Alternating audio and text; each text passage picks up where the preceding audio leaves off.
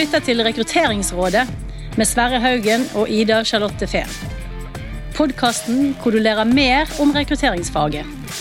Produsert av rekrutteringsselskapet Meyer Haugen. Ida, Ja. hva er ditt forhold til, eh, til employer branding, egentlig? Det er jo egentlig et veldig sånn stort ord. Ja. Eh, Jeg har jo jobbet litt med det i Dagens Næringsliv. Ja, I forhold til rekrutteringsverden. Og jeg tenker jo at det viktigste der er jo, kanskje i hvert fall sånn i våre sko, da, å være litt sånn på frempå i forhold til hvordan- vi skal klare å informere flinke folk om hva som skjer av spennende muligheter her. ja. Hva, hva med, hvis du tenker på liksom, fra ditt perspektiv, da, for nå jobber jo du med mye mer rekruttering til ulike organisasjoner. Noen av de har jo et sterkt employer brand, andre har ikke det. Hvordan opplever du forskjellen? Iblant så tenker jeg at uh, man opplever litt forskjell i forhold til merkevaren man jobber med. At uh, man er, det er lettere kanskje å komme i dialog med Ja. eksempel kandidater hvis man har et veldig kjent brand. Men jeg opplever også at noen kanskje tar det litt for gitt og tror at de har et sterkere brand enn det de har. Ja, veldig mange, syns jeg egentlig. Ja. Ja. For det er ikke alltid, hvis man tenker ulike fagområder, da. Det er ikke alltid alle kandidatene vet hva du får i de ulike stillingene. Nei, altså er det jo litt sånn der hvis du snakker om liksom medarbeiderløft, eller hva man får. Alle snakker om det samme veldig ofte, og så, og så føler de selv at de er veldig unike. da. Ja, og sånn som vi som jobber en del med IT-stillinger, da, Sverre. Eh, Da kan man jobbe med veldig mange selskaper hvor man kanskje ikke har peiling på hvor stort er IT-miljøet i det selskapet, f.eks. Ja, ikke Hva er teknologien? Ja, Det er viktig å få fram. Men nå skal vi altså snakke om eh, et selskap som kanskje nå mange har hørt om, men for, for si seks år siden så var det ingen som hadde hørt om dem, for da fantes det ikke som selskap. For vi har altså fått med oss i studio i dag eh, tre gjester fra årets IT-klatrer på Universum sine, sine rangeringer, Employer Branding-rangeringer. Så vi har lyst til å si nå da, velkommen til dere, Berit Klundsæter. Velkommen. Tusen takk. Jeg har forstått sånn at du er da leder for designavdelingen i, i Fremtiden. Det stemmer. Og så har vi med oss Kine Nordsveen. Og du er også leder for ikke bare design, for det da, design, arkitektur og test. Det er korrekt. Ja, Hvordan er konstellasjonen mellom dere to? da? Er dere sidestilt, eller er, du, er det en av dere som leder hverandre? eller? Jeg leder Berit. Du leder Berit. Jeg er heldig, det er en glede. Ganske tøff jobb. Men du er, du er litt ny i Fremtiden, du, Kine. Ja, jeg startet 1. oktober, så jeg har nå fått mine tre første måneder i, Ja. uh, i selskapet. Ja. Så det har vært veldig, veldig koselig. Blitt veldig godt tatt imot av Berit, blant annet. Ja. Og du, Berit, du har litt lengre fartstid. Ja, jeg begynte i Fremtiden i mai 2019, så jeg gikk akkurat glipp av lanseringsfesten. Oh, ja. Så jeg har jo vært der i over fire og et halvt år. Riktig, Så du signerte kontakt, kontrakt med Sparebank1 og begynte i Fremtiden? Det stemmer. Ja. Så jeg eh, visste egentlig ikke helt hvor jeg begynte hen, og var litt overraska når jeg fikk tilbud om å begynne i Fremtiden. Eh, For det var jo ikke der jeg hadde søkt meg. Nei.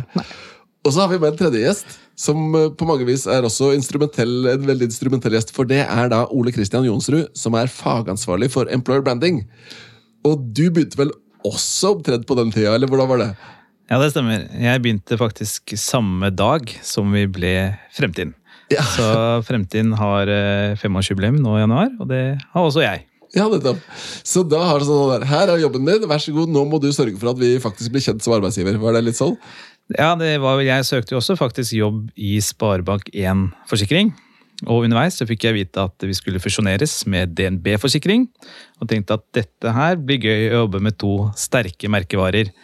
Før jeg kunne vite at vi skulle bli Fremtiden. Som ingen hadde hørt om. Nettopp. nettopp. Og nå sitter vi altså her fordi Universum slapp da sine rangeringslister for litt siden, og der er nå Fremtind årets IT-klatrer. Vil si at dere er det selskapet som har eh, økt mest, eller blitt, eh, liksom hatt den største endringen i positiv forstand i forhold til hvor attraktive dere er eh, for, når det gjelder da Er det IT-studentene det gjaldt, eller er det IT-professionals, eller er det alle? Ja, IT Professionals, eh, er det vel? Mm. Ja, nå var det yrkesaktive som var nå vi fikk denne prisen, da. Og det syns jeg er så gøy, Sverre, når man leser om alle de som sliter ute i markedet med å få tak i IT-folk. Og Derfor syns jeg det var veldig spennende å ta kontakt med, med Kine også, for å høre hva, er det de, klar, hva er det de gjør for noe. Og, da, øh, og gleder meg til å høre hva Ole Kristian og kanskje Berit har klart å koke sammen da, for å få et resultat av Kine inn, f.eks. Ja, ikke sant? Og for, for å spørre deg, da, Kine. Du, du har jo da relativt nylig liksom gått inn her, i motsetning til disse to andre som ble ansatt egentlig et annet, til et annet brand. da, kan si. Hva var ditt inntrykk av fremtiden når du begynte? Hvor mye hadde du kjent til dem? Hvor godt kjente du dem? Eh, altså jeg har jo jobbet i bank- og finansbransjen egentlig alle år, med et unntak, hvor jeg har vært et år i NRK, så jeg har jo fulgt litt med på Fremtiden. Jeg var jo, var jo klar over at Fremtid, når Fremtiden ble et selskap, at det ble forsikringsselskapet til DNB og Sparebanken. Eh, men det var litt sånn eh, det, det er jo på grunn av den, den, eh, den erfaringen jeg har. Så jeg har fulgt litt med på selskapet, og så kom det opp en mulighet, og da begynte jeg å sette meg litt inn i hva det Fremtiden er for noe, for det hadde jeg jo kanskje ikke brukt så mye tid på, utover at jeg visste at det var, var et nytt forsikringsselskap. Og eh, når, jeg begynte å, og når den muligheten her kom opp, og jeg så på årsrapporten, det gjør man jo ofte, for å se hva, hvordan er det Fremtiden ønsker å, ønsker å profilere seg, eh, så må jeg jo si at det var flere ting som tiltrakk meg eh, med hva fremtiden ønsker å være. Ja, Husker du hva? Kan du dra fram noe? Ja, det var to ting. Eh, Den ene var jo forretningsmodellen, spesielt dette rundt sirkulær eh, forsikring. Dette med å reparere. Gå litt Eller ta litt oppgjør med dette bruk- og kastsamfunnet vårt, da. Hvor, hvor vi har fokus på å reparere. Eh, og i tillegg både for kundene våre, men også for de ansatte. Egen skredder, egen uh, sykkelreparatør. Dette er, Er det er, tjenester som vi har i fremtiden som de ansatte kan benytte. Og så er det det å sende, sende inn reparatører da, til kundene våre, istedenfor å skifte. Og det syns jeg er veldig attraktivt uh, ja. uh, som et samfunnsoppdrag. Det er veldig, veldig kult, da. Ja, veldig. Og så er det dette med identitet eh, og kultur, da. Hvordan fremtiden fremstiller det. Eh, dette med at vi skal psykologisk trygghet bli nevnt, at vi er trygge fordi hvis vi skal være modige og nysgjerrige og alle disse verdiene som vi har, så er det viktig å ha en trygg arbeidsplass. Og jeg tror også det som kvinne, så blir man jo veldig Det, det føler man jo er veldig viktig når man kommer inn på, på en ny arbeidsplass. Ja. Og da, da, skal vi jo snakke litt med, med dere om den reisen dere har vært på. Da, og da har jeg lyst til å spørre dere, da, Berit og Ole Kristian, som har vært med på kall si, hele reisen. da. Ehm, hvis vi begynner med deg, Ole Kristian. Employer branding. Du har fått da dette ansvaret. Hva har vært liksom de største utfordringene da, for å jobbe med employer branding? Fordi jeg er helt sikker på at alle som lytter der ute, som sitter i større organisasjoner, vet at det kan være krevende. Uh, på mange vis. Hva opplever du har vært liksom de store kampene du har måttet tatt? da? Ja, det, det har vært mange, det. Eh, Det har vært litt av en reise disse fem årene. Men eh, jeg tror i starten så var det jo Jeg tror mange kjenner på det. Å få med seg ledelsen og, og den forståelsen av viktigheten rundt å jobbe med employer branding. Jeg tror mange i ledelsen i fremtiden de bar preg av å ha jobbet i Sparebank1 og DNB, kjente merkevarer. Og det å forstå at fremtiden, det, det var det ikke så veldig mange som hadde hørt om. Å få de til å jobbe med kjennskapen rundt fremtiden, det tok litt tid. Så de hadde egentlig det samme som du nevnte i stad? At du tenkte ja, to store kjente brand, dette er bra, dette blir flott. Ja, og så tror jeg ikke de helt eh, Det tok litt tid før de skjønte at det ikke var Sparebank1 og DNB. Eh, At det var det som var utfordringen. At man nå er vi i fremtiden som ingen har hørt om. Nå må vi jobbe med det. Det som er litt spennende, er at jeg faktisk eh, på min masteroppgave så skrev jeg om hvor, og sjekket ut hvor viktig det er at lederne walk the talk på alle nivåene. I forhold til å dele strategi, visjon og hva man ønsker å få til. Eh, Og det føler jeg jo at dere kanskje har jobbet ganske aktivt med. da. Eh, Jeg vet ikke, Berit, om du har noen tanker der? Det, det er jo noen ting som er litt sånn helt spesielt i denne merkevarespagaten vi ble stående i. fordi at vi hadde da Sparebank1 og vi hadde DNB, og så hadde vi Fremtiden som ingen hadde hørt noen ting om. Og vi, det ble jo også definert i forretningsmodellen vår at Fremtiden skulle jo være en sånn ingrediens. Altså vi skal være til stede når du skal bruke forsikringen, men ellers er det bankene som skal være synlige. Og det er klart at det nytter jo ikke, for når du skal rekruttere, så er det jo fremtiden som må være synlig. Vi skal være synlige både for å bygge stolthet internt, og vi skal være synlige for studenter, for potensielle arbeidsgivere, for startups og miljøer og partnere man ønsket å samarbeide med. Og jeg tror jo ja, vi, de første intervjuene så, så sa man liksom ja, vi er et av Norges største forsikringsselskaper som du ikke har hørt om. Eh, og de nikka jo og hadde jo ikke hørt om fremtiden. Men eh, så har man jo jobba sakte, men sikkert og bygd stein for stein med å skape denne synligheten. da, både, Og viktigheten eh, av employer branding, både internt og eksternt. Og jeg tror noe av det første vi begynte med, egentlig, og det var, jo ganske tidlig, det var i rekrutteringsøyemed, var jo at vi faktisk starta Designavdelingen starta en, en Instagram-konto som het Fremtiden Design, for å rekruttere designere. Ja. Men, eh, og jeg har så mange spørsmål, men jeg skal begynne med å spørre først. For du, Da du gikk inn i dette, var det som leder da òg? Ja, det, eh, jeg søkte som teamleder, og så fikk jeg, når jeg skulle introdusere meg for seksjonen, og så sa jeg at jeg er teamleder for design, så sa jeg nei, nei, du har blitt oppgradert, du er, du er avdelingsleder, du. så, så da fikk jeg vite det. Det er veldig bra. Fordi det, det interessante spørsmålet er jo da hvordan opplever du at forskjellen har vært? Fordi jeg også har jo hjulpet eh, Fremtiden med noen rekrutteringer, og i starten husker jeg veldig godt, så var det jo det, det, var jo det der å snakke om at man, er, man står på skuldrene av to giganter. At det, du, vi solgte jo liksom inn Da jeg hjalp dere med noen stillinger, så var det liksom det å selge inn Sparebank1 og DNB, men dette var liksom noe nytt som bygger på det. Mm. For der har du brandstøtten, kan du si. Er det noe annet nå, eller er det litt det samme? Nei, det er noe helt annet nå. Eh, nå er det jo sånn at Eh, både i rekrutteringsøyemed så har folk hørt om oss. Eh, eh, jeg opplever jo stadig at når jeg sjekker referanser på kandidater, så er det jo de jeg snakker med som referanser, er supernysgjerrige på hva vi har gjort, fordi at de har hørt om oss og lagt merke til oss. Og litt sånn selvskryt, kanskje, da, men designavdelingen har vært ganske flinke på å profilere oss eh, da gjennom sosiale medier og med å være synlige i fagnettverk og være på konferanser. Både for å bygge nettverk, men også eh, med å stå på scenen eller ha stands.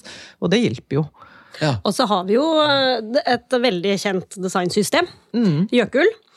Som har vunnet priser. Og det er jo også en veldig hjelp i rekrutteringssammenheng. Når du sier designsystem, mener du en leverandør eller noen som hjelper dere med design, eller er det deres? Det er våres, men det kan eh, Berit ja. fortelle mer om. Uh... ok, ja, Det må vi høre litt mer om. Hva, bare to ord, hva er Jøkul for noe?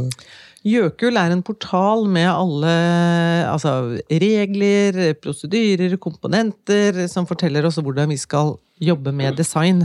Eh, så vi skal få et enhetlig uttrykk i de digitale løsningene våre. Et system. Det er jo veldig, veldig spennende. Men er det er det noe dere, Hvor tidlig er dere informerer kandidater om dette da, på en måte for å fange interessen? For det, eh, det er jo det å få ut den spennende teknologien, verktøyene, kanskje så tidlig som mulig på kandidater som er vanskelig å få tak i? Mm. Nei, vi har brukt, uh, brukt uh, for alt det har vært verdt. Og det var jo sånn vi følte en stund at nei, nå er det vel brukt opp. Men det er ikke brukt opp, og det er jo sånn fortsatt i dag når vi har kandidater inne og vi spør litt med, du, kjenner du til profilen vår eller Jøkul? Gjør. Altså, det bruker vi ting fra hver eneste dag. Det er jo det mest brukte designsystemet utover fremtiden, kanskje. Fordi man, man eh, stjeler med pride, er det ikke det man sier da?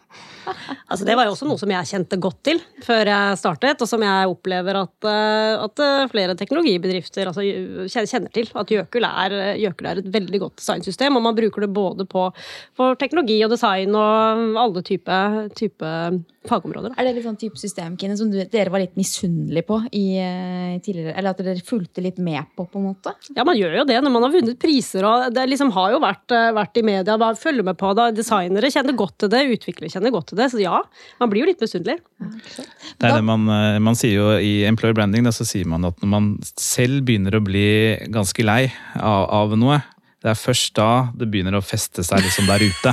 Så, du kan ikke gjenta deg for mye? Nei, altså, hvis Gjøkul det skal brukes for hva det har vært i lang tid fremover. Tenker du på sånne klassiske julefilmer nå, eh, eller for eksempel? Ja, for eksempel. men, men altså, nå føler jo jeg meg utrolig dum her, da. Men det er altså et system som dere har laget, eller? Ja, altså, Vi kan trekke det litt tilbake, da. Men det er jo sånn her, om man skal lage noe, om det er en, en, en folder eh, på papir eller, altså, eller, et digitalt system, og man har en grafisk profil, så kan man jo lage eh, noe fint ut av det på ekstremt mange forskjellige måter. Så det er en måte ja. å standardisere hvordan vi jobber med design. Og det, eh, en knapp er ikke bare en knapp. En knapp har mange forskjellige states, farver, skygger, litt avhengig av om den er aktiv eller passiv. Og dette her er da bygd opp i et ganske stort sinnrikt system. Men dette er det dere som har bygget. Dette er det vi som har bygget, og, og her har vi jo hatt eh, en av kanskje de beste med oss, eh, som eh, kom fra Sparebank1, som hadde bygget opp et designsystem der. Som var raskt på og begynte å etablere et designsystemteam i fremtiden, når vi ble etablert. Og vi hadde fokus på det, for vi hadde fått uh, laget en profil fra en ekstern partner som ikke nødvendigvis egna seg helt digitalt. Så det var jo en del, eh, fortsatt en del profilarbeid som måtte gjøres, og så måtte man sette det i system.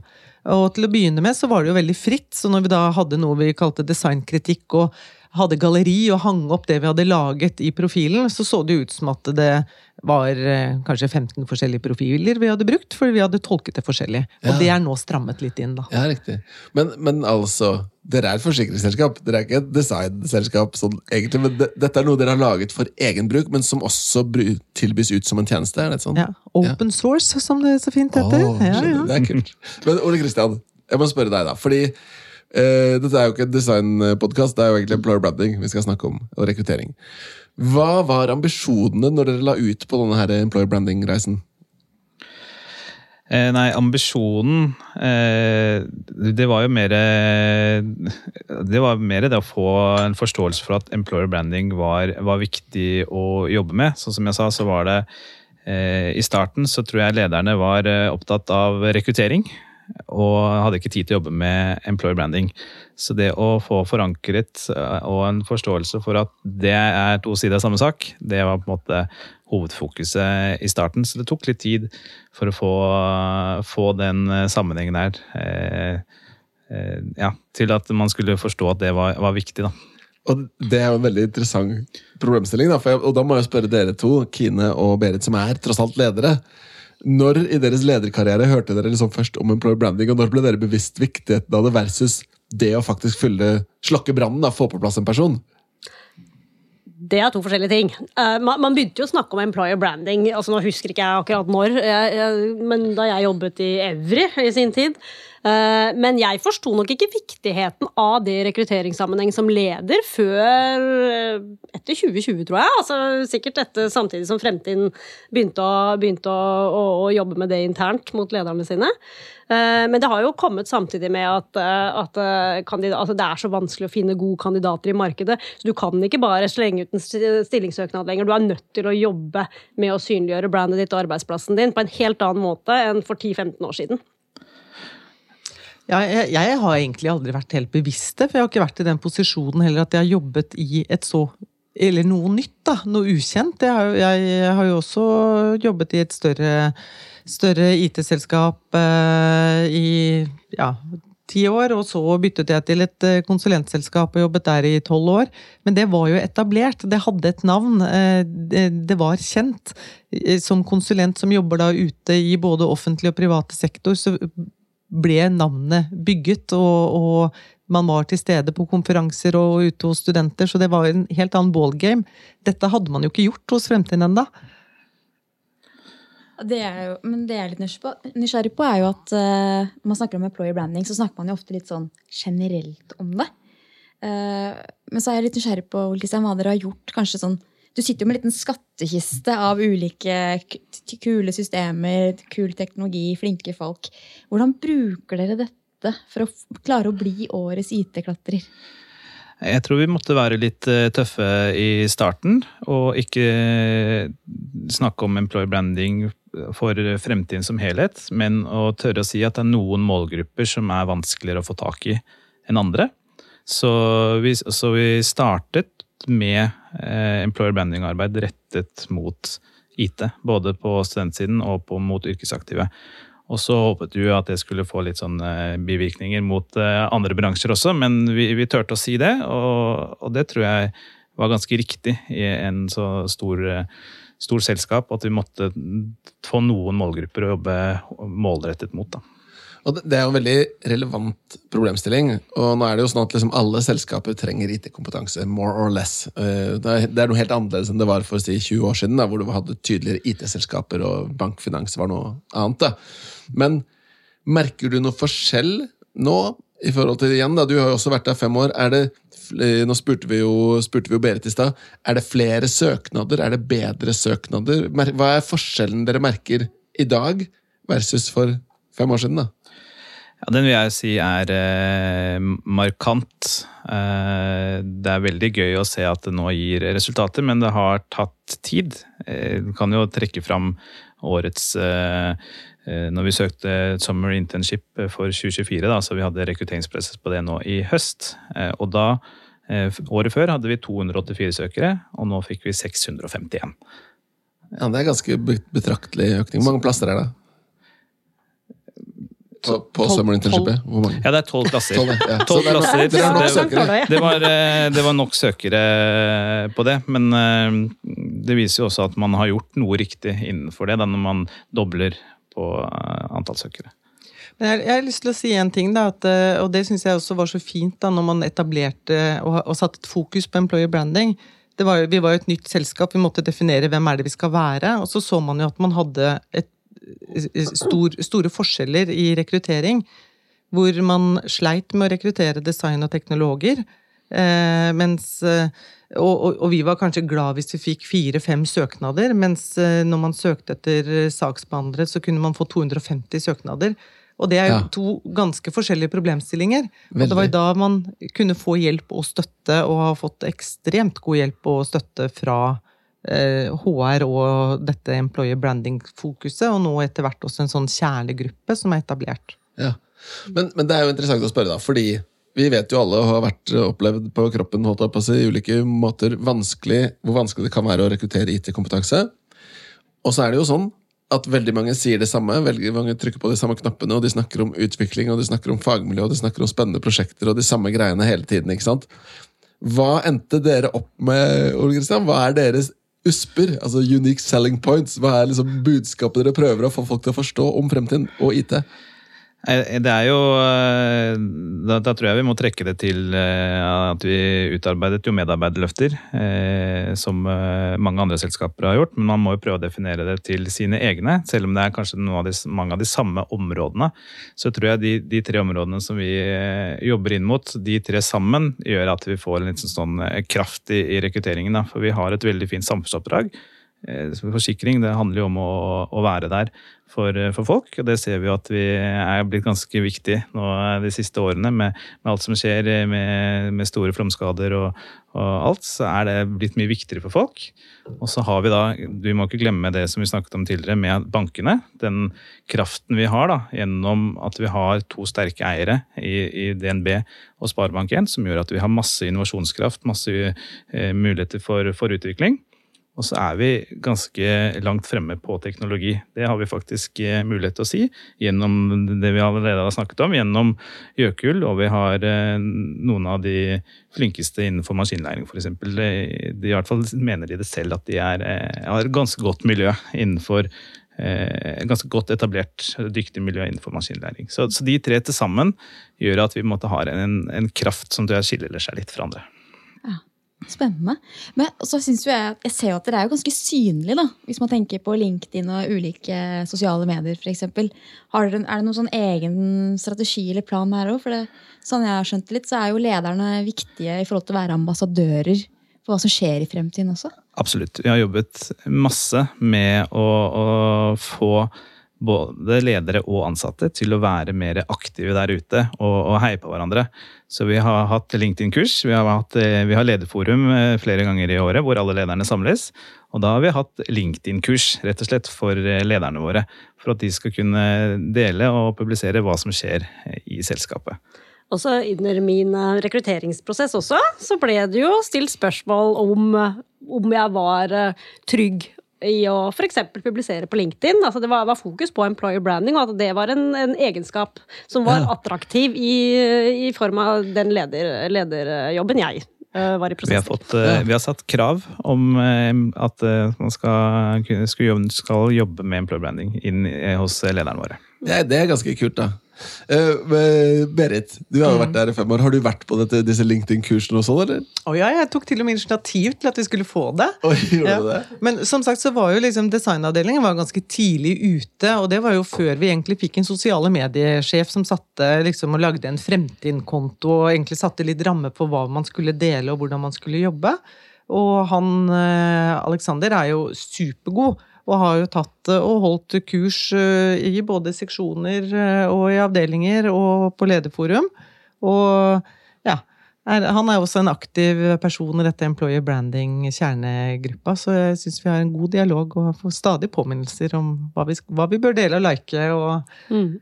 være aktive. Men det høres ut som en veldig sånn bra tiltak, da. Å bruke dårlig, dårlig norsk, men enable ledere til, til å faktisk bidra på employer branding ved å bevisstgjøre dem og lære dem opp i sånn kan du jobbe i sosiale medier da, for å være mer synlig på vegne av organisasjonen din som arbeidsgiver. Det er smart. Men har dere noen insentivordninger? For jeg vet liksom Fra min erfaring når jeg jobbet med employer branding i en stor organisasjon, så var det sånn vi ønsket at folk skulle delta. Alle oppfordret til bli med på ditten og bli med på datten og gjør sånn og gjør sånn. Men det var ikke noe belønning på det. Det var ikke noen insentiver. eller sånn. Har dere noe sånt nå? Nei, vi har jo ikke det. Vi går jo på jobb fordi det er gøy, og så går vi på, løn, på jobb, og så får vi vår lønn. Altså skal, altså skal få, det blir jo sånn, sånn barneoppdragelse, det, hvor du skal alltid ha mer penger for alt det du gjør. Nei, vi gjør ikke det, men, men, men det jeg tror, da, eller det jeg i hvert fall prøver å si, for mange har jo en idé om at ja, designerne elsker å dele, og øh, de er så øh, ekstroverte. Det er, er ikke nødvendigvis sånn. Eh, noen ønsker ikke å dele eget navn. Noen eh, er ikke f.eks. på Instagram, men, eh, og andre syns det er mye tryggere å dele på stories på Instagram hvor ikke de selv føler at de er profilert. Men jeg tenker employer branding det er jo mer enn sosiale medier også. Det er jo både internt med å vise hva man jobber med internt i interne kanaler. Og det kan være å holde foredrag internt, eller kanskje holde foredrag eksternt. Eh, Noen liker jo også å skrive et innlegg på medium, f.eks. Så mange, mange former for employer branding. Eh, Når man på en måte ser i eksterne kanaler, da, så tenker jeg at eh, vi kan kanskje være enda flinkere til å vise at det er en win-win-situasjon. For du blir jo også synlig som kandidat når du publiserer f.eks. på LinkedIn eller er synlig i sosiale medier, og det gjør deg også mer attraktiv som arbeidstaker. Så det er jo, altså, det er jo litt av det som vi kanskje bør eller man kan kommunisere mer, da, at det er en win-win-situasjon både for arbeidsplassen og for arbeidstaker. Og så er det et, et annet perspektiv som ikke snakkes så veldig mye om. men det er det at En ting er employer branding, som er liksom fremtiden sitt brand, fremtiden sin salgbarhet overfor kandidatene. Men dere to som er ledere, da, og du og Ole Kristian som leder, når dere skal rekruttere noen inn til deres team, så må dere også selge dere selv. Og den synligheten på LinkedIn, der er jo også den verdt da, For vi merker jo at det er mye lettere å rekruttere for en leder som har en tydelig og attraktiv profil, da. Mm. Kan du si. Eller tilsynelatende attraktiv, i hvert fall. Og så tenkte jeg også, legge til at det handler jo litt om Jeg får en følelse Berit, at du er ganske litt sånn stolt av å, å gå på jobb. Da, at eh, det er trivsel der. Og, og det å på en måte sitte sammen, være på selskaper, eh, fortelle om jobben sin, at man er stolt av den. Plutselig så møter du jo på noen som Oi, dette var skikkelig interessant. Dette har jeg lyst til òg.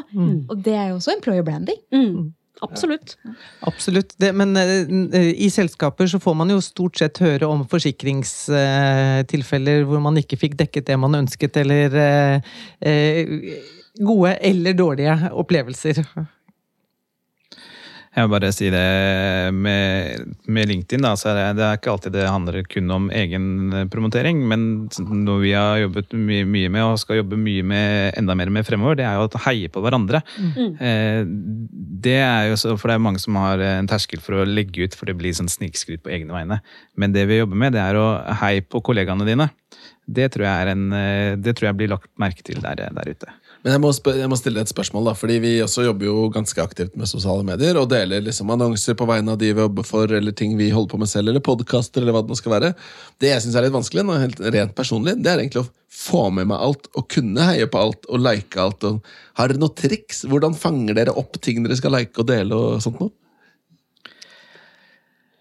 Altså, i, i, I vår avdeling så er vi kanskje litt, eh, litt nerde på det, da. Men det er jo, vi er jo en HR-avdeling. Kan jeg ikke tenke meg at, at du nøler over, Kristian? Nei, nei, nei. Så, så her så eh, gir vi beskjed til hverandre når vi har lagt ut eh, innlegg. At nå, nå kommer det en post eh, om, om et eller annet.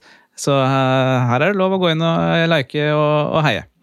Det er jo veldig bra tiltak. Jeg tenker i digital, da, som, som jeg og Berit jobber her Berit er jo veldig veldig flink, følger jo med henne. Men jeg tenker jo at vi kan bli enda flinkere, vi lederne i digital. Og vi har jo satt opp egne mål for å, for å bli enda mer synlige og heie på hverandre og snakker om det.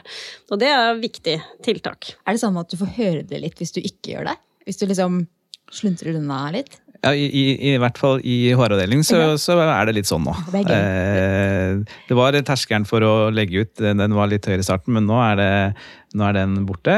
Men eh, så er det lov å pirke borti. Du, du, har du sett at jeg har eh, lagt ut et innlegg, eller?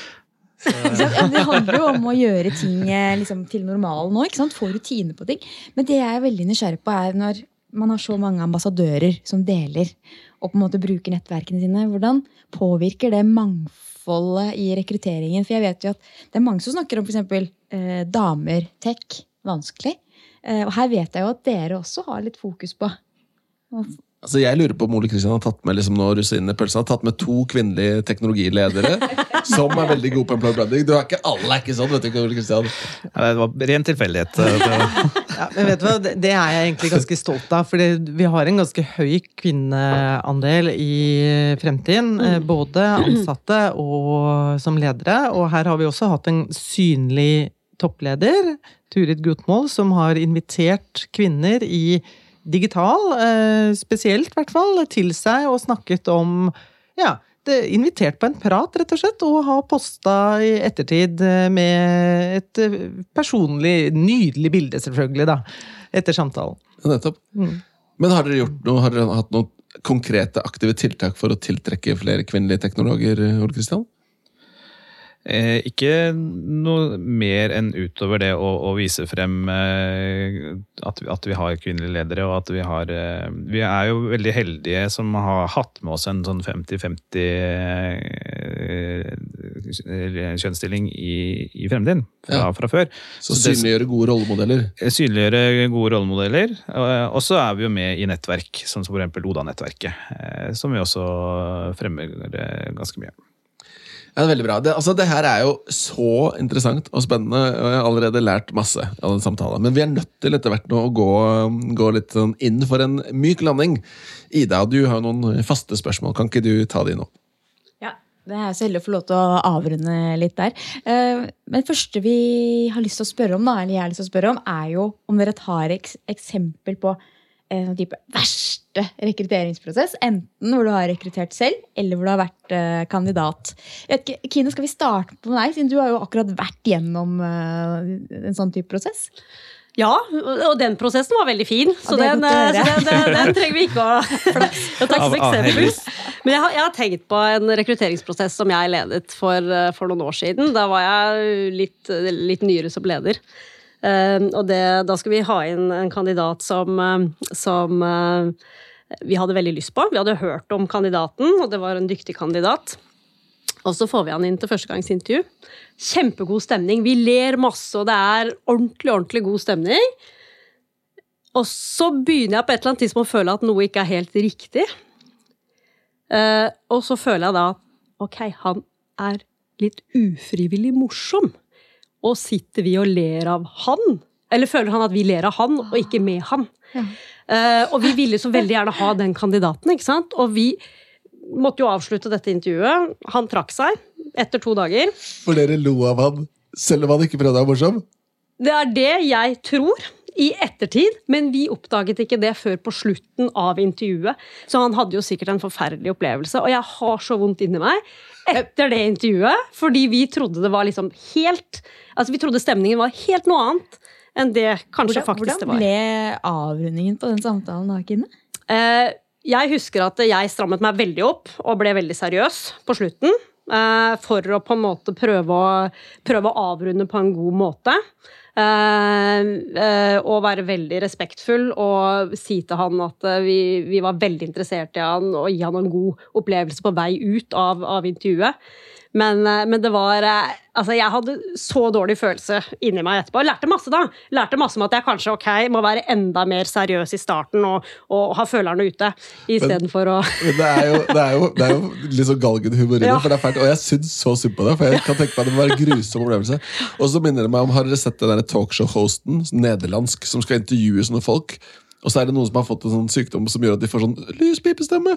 og så begynner han å få latterkrampe, og han klarer ikke å holde oh, nei, seg. Og det er nei. helt grusomt, for det er sånn Oi. veldig seriøst tema. Og så er det en i publikum som skal kommentere og si at nå syns jeg det er ufint at du ler. Og så har han en annen som taler for seg, så han snakker med veldig mørk stemme. Og Å, da, nei. da knekker han helt sammen. Faen altså. meg, så fælt! Åh, men det er jo ekstra kjedelig da, når man skjønner at shit, nå er det henne at, kan hende at vi mister en kandidat som egentlig er sjukt bra. Mm. Åh, den følelsen. Uh, Berit, la oss snurre videre til deg, da.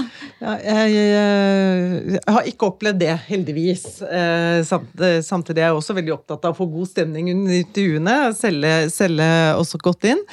Men uh, nei, det, det her var vel egentlig ganske begynnelsen, når vi begynte å rekruttere for å liksom få færre konsulenter og flere, eller større eierskap til design i, internt i fremtiden så var jo markedet tøft, og det var få søkere. Jeg hadde kjørt noen intervjuer og hadde noen faglig gode folk på, på, som hadde kommet igjennom både førstegangs- og andregangsintervju.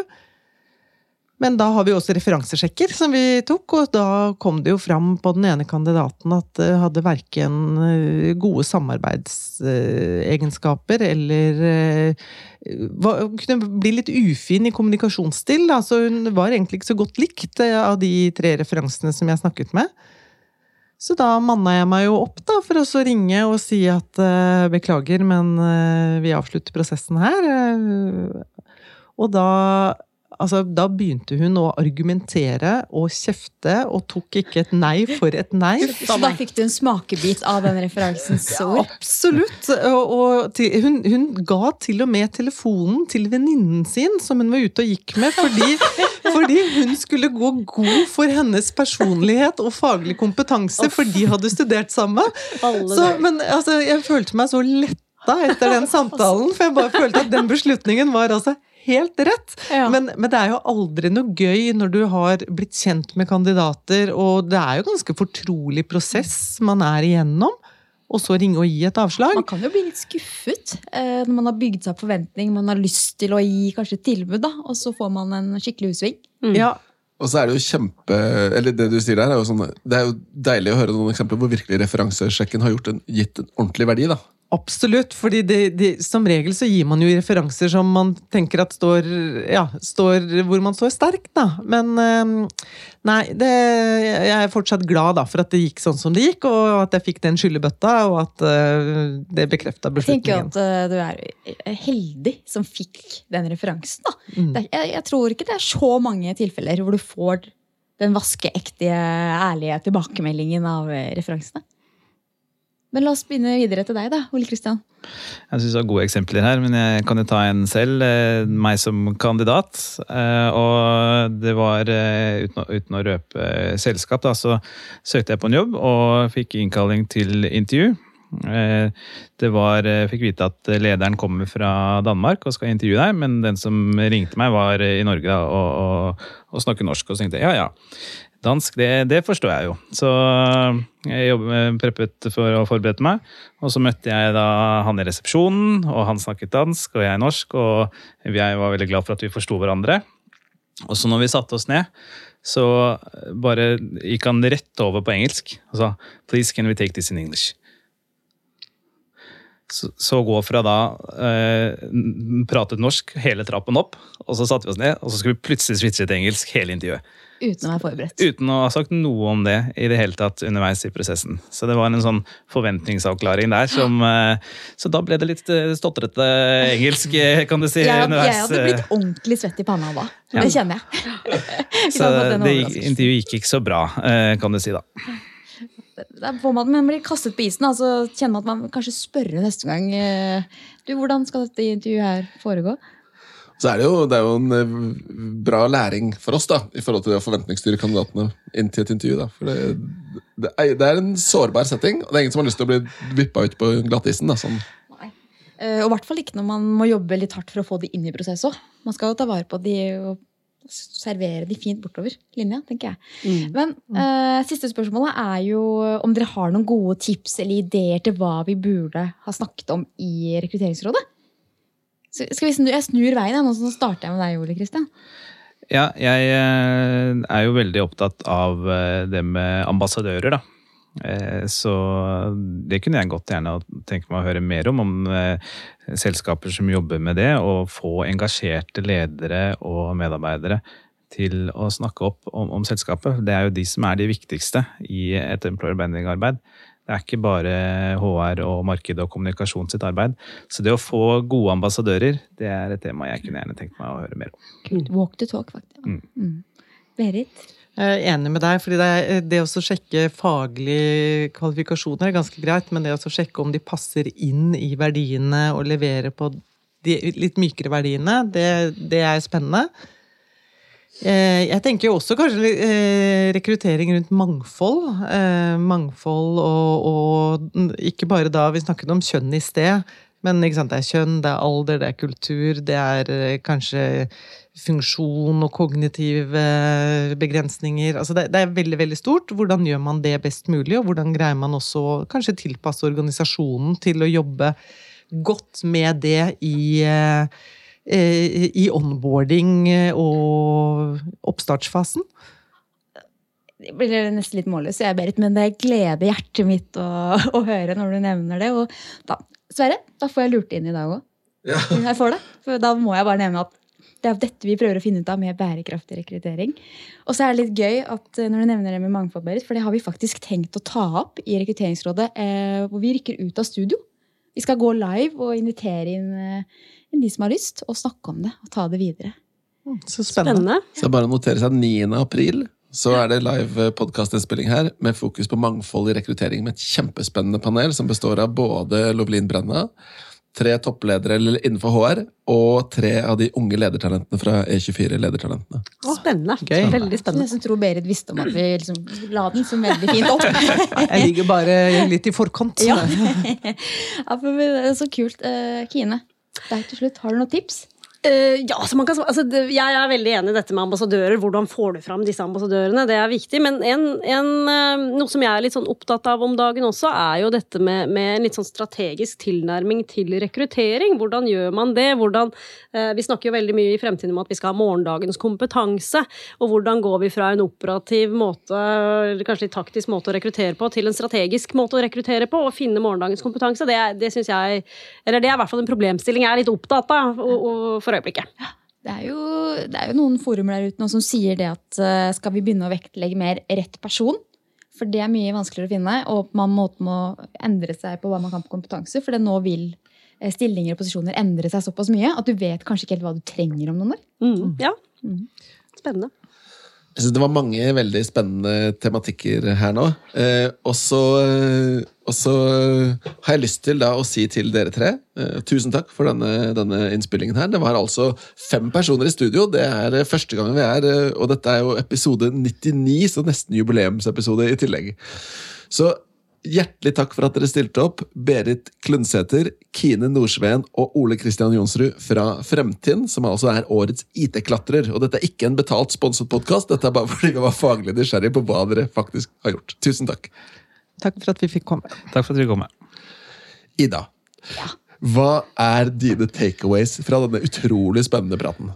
Oi, jeg tenker at uh, det er veldig spennende med ambassadører. Det at ja. alle faktisk uh, må være med og bidra. Og jeg tror det handler litt om å, at man får med seg de folka som har lyst til å gå har de samme målene og visjonene fremover. Da. Ja, jeg er helt enig, og det er også litt sånn litt nytt. Fordi vi har jo som jeg nevnte 99 episoder, men det tipset har ikke kommet opp før. Så det er litt sånn spennende å utforske litt mer. da. Ja. Så tror jeg de får brukt Jeg tror man, kanskje fremtiden bruker nettverket sitt bedre da. Ja. Når man prøver, klarer faktisk å, faktisk å gjøre det. Ja, og det som er min hovedtakeaway, det er liksom kanskje litt koblet på, da, men det er egentlig todelt. Det ene er jeg synes det er utrolig kult, og jeg tror det er veldig verdifullt, at det virker som de har definert opp hvordan en leder jobber med employer branding, er en del av kravspekken til lederprofilen. Og det er litt kult, for da har du skjønt at du må rekruttere inn den rette typen til å, for å også bli bedre på employer branding. Og nummer to, at de da kjører kurs i LinkedIn. Sånn profilerer du deg selv, som også er til gavn for. Jeg tenker det er veldig kult, så tror jeg det er veldig viktig òg. For det handler jo litt om å sette de riktige forventningene til hva man faktisk skal begynne med. Ikke. Tenk om du blir overrasket med at du er 20 så må du være på LinkedIn og profilere deg selv. Ja, ja. Og man blir svett i panna. Ja. Men du blir ikke svett i panna så lett?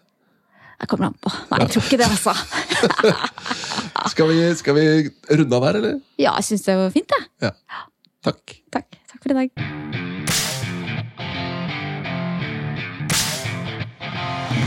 Du har lyttet til Rekrutteringsrådet av Meyer Haugen. Vi produserer også Topplederpodkasten og stillingspodkaster. Har du forslag til gjester eller tema vi bør snakke om, gå inn på vår Facebook-side Meyer Haugen.